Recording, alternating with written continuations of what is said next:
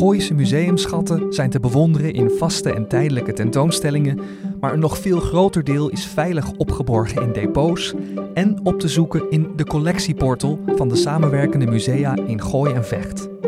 Mijn naam is Caspar Stalenhoef en in deze podcast zoeken we een aantal museumschatten online op en horen we welk verhaal erachter zit.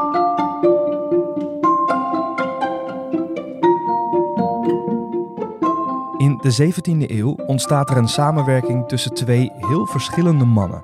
Een Nederlandse zakenman, Louis de Geer, rijk geworden door de verkoop van wapens en bekend als de kanonnenkoning van Europa, zoekt contact met de Tsjechische theoloog en onderwijshervormer Jan Amos Comenius, die zich juist inzet voor vrede. Terwijl de Geer profiteerde van de Europese oorlogen, werd de vaak vluchtende en rondreizende Comenius geconfronteerd met dood en verderf. Wat bracht deze mannen bij elkaar?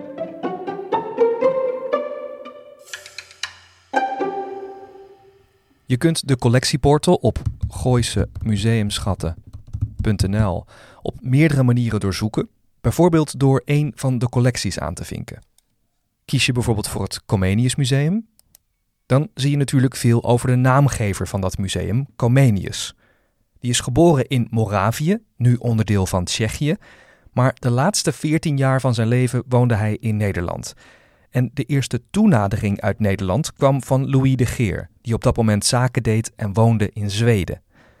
Tussen de zoekresultaten op de collectieportal kun je ook het portret van Louis de Geer vinden.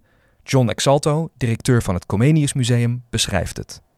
Uh, ja, we zien een uh, schilderij dat uh, vrij omvangrijk is. Ja, het is een groot portret. Ja, het is een groot portret van een man ja. die ons aankijkt. Die kijkt, de kijker kijkt die recht in zijn ogen. Mm -hmm. Het is een vrij zwart portret. Hè? We zien Ja. weinig omgeving. Ja, zijn Eh, hoofd lijkt een beetje zo, zweeft eigenlijk een beetje in het zwart. Ja, ja, hij komt echt uit het schilderij, komt hij naar ons toe met een eh, mooie kraag, een witte kraag. Mhm. Ehm, en we zien ook een man die ja, wat gereserveerd uit zijn ogen kijkt. Precies. Ja, Ja, het is niet heel niet, on- niet onvriendelijk, maar Mhm. ehm, hij kijkt wat gereserveerd. Het lijkt wel alsof hij heel lang heeft moeten zitten misschien Ja, voor, zijn, ja. eh, voor zijn portret. En hij heeft een beetje een, eh, een, beetje ro- rode wangetjes. Ja, ja, hij heeft een grijs haar. Calotje heeft hij op. Mhm. En hij was al wat ouder toen dit schilderij gemaakt werd. Precies te zijn was hij 63 en dat was twee jaar voordat hij zou overlijden, in 1652. Toen een aantal jaar geleden het Rijksmuseum en tijdschrift Quote een lijst opstelde met de 250 rijkste Nederlanders van de 17e eeuw, stond Louis de Geer op nummer 4. Hij werd geboren in 1587, toen de 80-jarige oorlog volop gaande was en zijn 20ste jaar inging.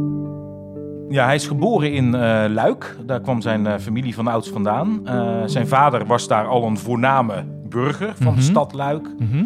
Had allerlei grond in bezit. Was ook ijzerhandelaar. Ja. Had hij ook veel geld mee verdiend, zijn vader al. Ja. En toen deze Louis ongeveer tien jaar oud was, besloot zijn vader om met zijn gezin. zijn eerste vrouw was overleden, hij had inmiddels een tweede vrouw. Mhm. Eh, om naar Nederland eh, te verhuizen. Ja. De Nederlanden, de noordelijke Nederlanden. Ja. Eh, omdat daar een gunstiger handelsklimaat was. En omdat in Dordrecht, hij vestigde zich in Dordrecht, omdat daar al een, een gemeenschap was van Luikse handelaren die zich daar Oh, had ja. gevestigd. En het was voor hen gunstiger om vanuit de Nederlanden handel te drijven. Ja, en dat is dan, heeft dan te maken met het handelsklimaat of een rustiger leefomgeving. Maar er zit ook een, ja, een geloofsovertuiging, zit, speelt daarbij Ja. ook een rol. Ja, die speelt daar zeker een rol in. Eh, in die hele opstand natuurlijk. In, ook in de migratiebewegingen. Ja. Hè, want daar maken ze eigenlijk deel van uit. Van de vele Zuid-Nederlandse kooplieden die zich in het noorden vestigen. Eh, en die eigenlijk eh, een hele belangrijke bijdrage hebben geleverd aan de grote bloei in de Gouden Eeuw. Maar van de vader van Louis de Geer weten we niet zo goed of dat echt ook geloofsmotieven waren. Mhm. Uh, dus ik, uh, voor deze familie de Geer weten we in elk geval dat het economische motief om te migreren was uh, leidend. Ja. Maar zij sloten zich vervolgens wel in Dordrecht aan bij een protestantse kerk, Juist. de Waalse gereformeerden, waar ook veel mensen uit Luik zich bij aansloten. Eh, dus ze maakten ook die overstap naar, een, eh, naar, naar het protestantisme. Dus het speelde zeker een rol in hun eh, vertrek uit Luik. Maar het Ja. was niet leidend. In Dordrecht was dus al een Luikse gemeenschap en er woonde ook al directe familie van de De Geers. Een halfzus van de jonge Louis was daar getrouwd met iemand uit een andere rijke 17e-eeuwse familie, Elias Trip. In Dordrecht ging Louis de Geer na zijn opleiding, net als zijn vader, handelen in ijzer.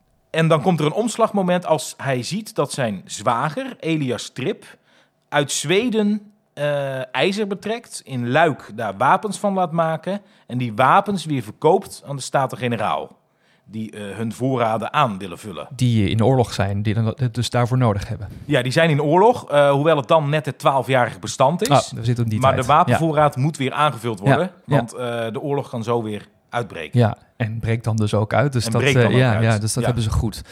Ja, ja dus, daar, eh, dus eh, Louis de Geer zeg je, er is een soort handelsgeest. Hij is op zoek naar mogelijkheden. Ja. En hij ziet via zijn zwager dus dat er iets te vinden, te halen valt in Zweden. In Zweden zijn de ijzermijnen, IJzererts.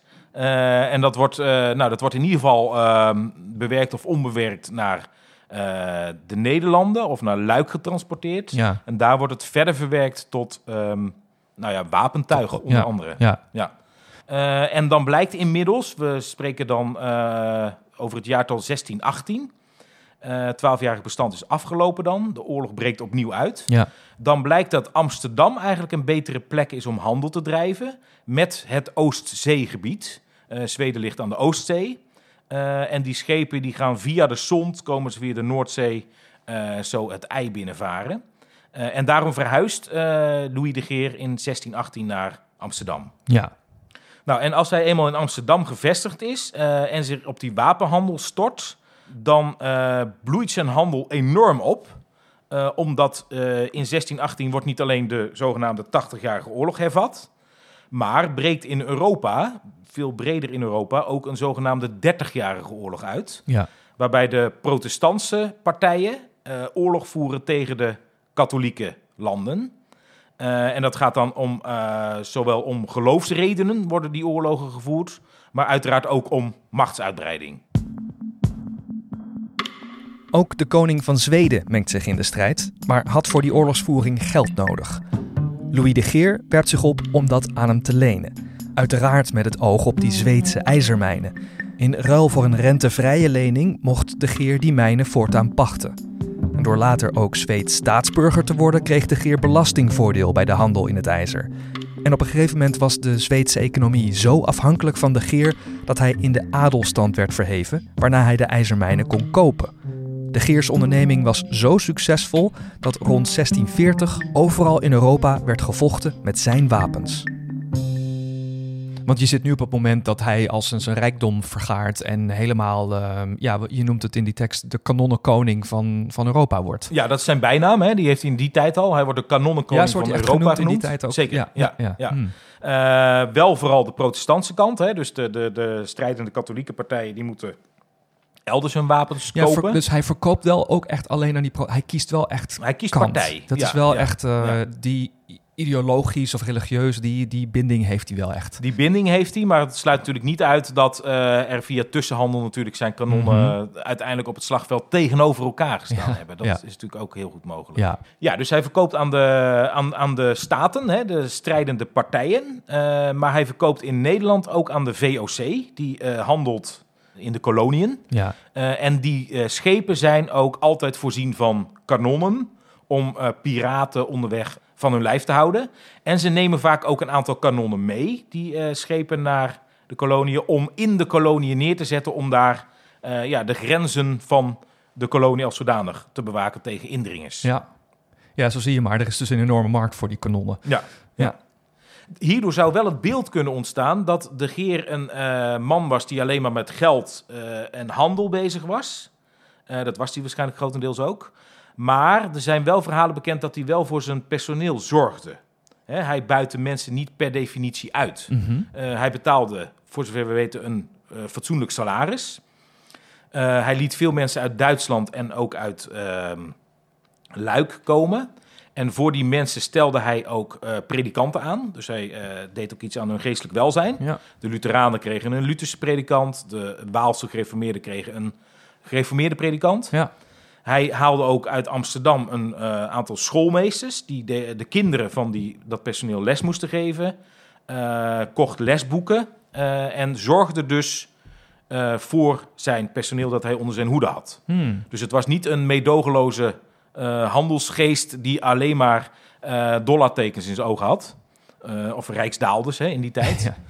Maar hij ging daar op een, voor zover wij weten, redelijk verantwoorde manier mee om. Dus hij zorgde concreet, weten we, voor Boheemse vluchtelingen. Eh, dat land dat zo zwaar getroffen was door die 30-jarige oorlog. Ook voor eh, vluchtelingen in de Palts, eh, een gebied in Zuid-Duitsland, waar protestanten ook vervolgd werden. En hij had ook bijzondere aandacht voor specifieke predikanten en schoolmeesters, die hij een jaargeld toebedeelde. En een van hen was Comenius. Juist. Ja. En weet jij hoe hij Comenius op het spoor is gekomen? Ja, dat is wel iets over bekend. Ehm, ehm, de Geer kwam, eh, werkte dus in Zweden, woonde in Zweden, maar Ja. kwam ook wel in Polen, dat tegenover Zweden ligt, eh, als je eh, vanuit de Oostzee bekijkt. Ja, als je oversteekt. Ja. ja. En daar lag de stad Elbing. Daar ligt de stad Elbing. En dat viel onder de jurisdictie van de Zweden. Die voerden vanuit Elbing eigenlijk hun 30-jarige oorlog. Mhm. En daar in Elbing trof de Geer een Engelse geestelijke aan. Durry heette die. Eh, en die Durry die had allerlei interessante gedachten, vond de Geer, over de vrede tussen protestanten onderling. Dur- Durry vond bijvoorbeeld dat eh, Lutheranen en Calvinisten elkaar niet moesten bestrijden. Niet fysiek, maar ook niet in, in polemische zin. ja. Maar dat ze juist moesten streven naar eh, onderlinge vrede. En dat sprak de Geer aan, omdat hij in Zweedse context ook veel met Lutheranen te maken had en zelf Waals gereformeerd was. En via die Durry kreeg hij contact met Comenius. Dat vond hij interessant, waar Comenius mee bezig was, met onderwijshervorming. En hij nodigde Comenius uit om in Zweden het onderwijs verder te hervormen in Comeniaanse zin. Wie daar meer over wil weten, kan de podcast terugluisteren die we in juni 2021 hebben gemaakt. Aflevering 2 van Gooise Grensverleggers gaat over de onderwijshervormingen van Comenius. De samenwerking tussen de Geer en Comenius duurde tot 1650, waarna Comenius de opdracht kreeg om in Hongarije het onderwijs te hervormen. Twee jaar later, in 1652, overleed de Geer, waar Comenius ondanks hun grote verschillen toch goed mee overweg kon. Nee, er was geen sprake van eh, verschil van inzicht. En op zichzelf is die relatie Comenius-de Geer intrigerend. Eh, want de Geer was natuurlijk de kanonnenkoning, de man die oorlog eh, nou ja, stimuleert, zou je kunnen zeggen. Ja, en daar waar hij rijk van geworden is. Waar hij rijk van geworden is. En Comenius is altijd de man geweest die voor vrede was. Die zelf slachtoffer was van die 30-jarige oorlog. Die in allerlei geschriften gepassioneerd voor vrede heeft gepleit. Ja, en ook voortdurend eh, moest vluchten voor al die, eh, vanwege al die oorlog. Ja, ja, dus hij moest vaak voor katholieken op de vlucht. eh verafschuwde ook de onderlinge conflicten tussen protestanten. En eigenlijk zelfs die tussen christenen. Dus tussen katholiek en protestant. Ja. Omdat hij vond, nou ja, dan verzwakken we onze positie ten Ja. opzichte van de Turken. Zoals dat in die tijd genoemd werd. Dus door mensen buiten het christelijke Europa. Maar dat heeft, de, het blijkt nergens dat dat tot een verschil van inzicht tussen Comenius en de Geer heeft geleid. Ja, want dat is natuurlijk het grappige van de relatie tussen die twee. Wat je zegt, dat ze zo ehm, op verschillende waarden gericht eh, waren. Maar toch, waarom zou toch die, de Geer sowieso, waarom denk je dat hij dan toch zo hierin, in dit soort mannen zoals Comenius, waarom was hij daarin geïnteresseerd? Wat, wat wilde hij van die mannen? Nou ja, van Comenius weten we heel concreet wat hij van hem wilde, namelijk verbetering van het onderwijs. Ja. En daar blijkt dus uit eh, dat de Geer niet alleen gericht was op winstmaximalisatie en eh, verder geen interesse had in eh, hoe deze wereld eruit zag, maar Ja. dat hij toch een verantwoordelijkheid gevoeld heeft voor nou ja, goed onderwijs en ook een vreedzame samenleving binnen protestantse context. Ja. Dus dat zat wel, op een of andere manier zat dat wel in de geer. Eh, ondanks dus het feit dat hij zo actief was met die wapenhandel. Eh, en ja, wellicht hebben ze het, heeft de geer het gezien als een onvermijdelijkheid, hè, oorlog. Eh, en heeft hij, dat, heeft hij daar nou ja, zijn geld aan verdiend. Ja. Maar we weten dus nogmaals, we weten niet of er gesprekken zijn geweest over die 30-jarige oorlog.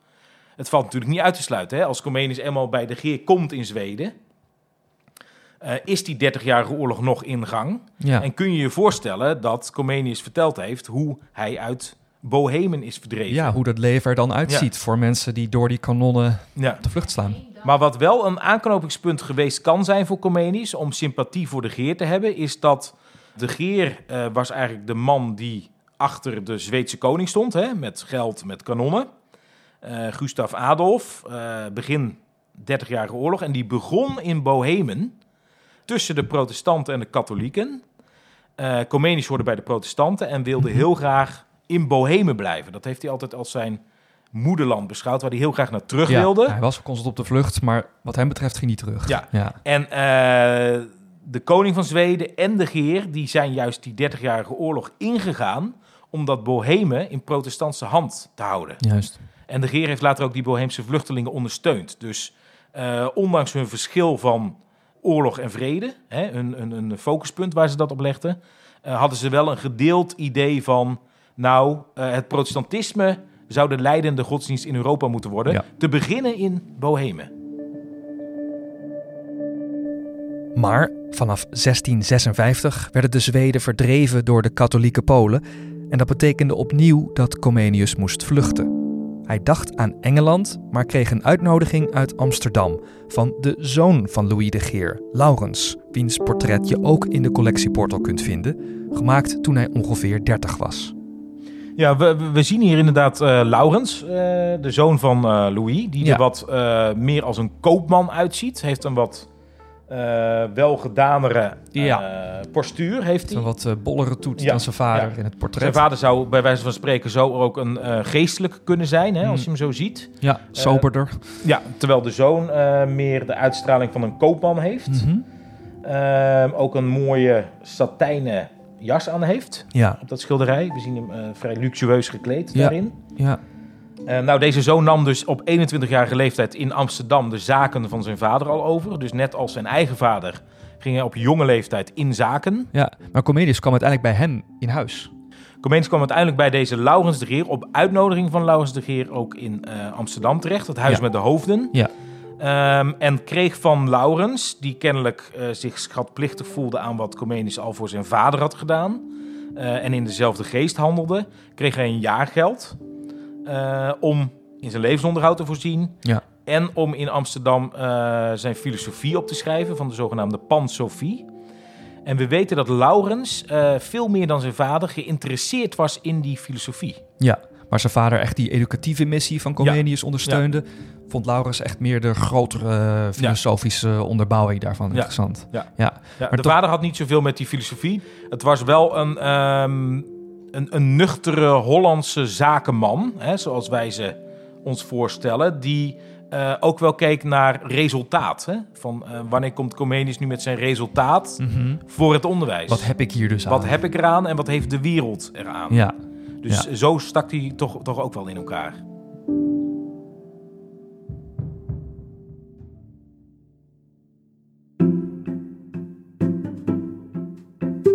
Gelukkig kon Comenius dankzij Louis' zoon Laurens de laatste 14 jaar van zijn leven in alle rust en vrijheid aan zijn filosofie werken.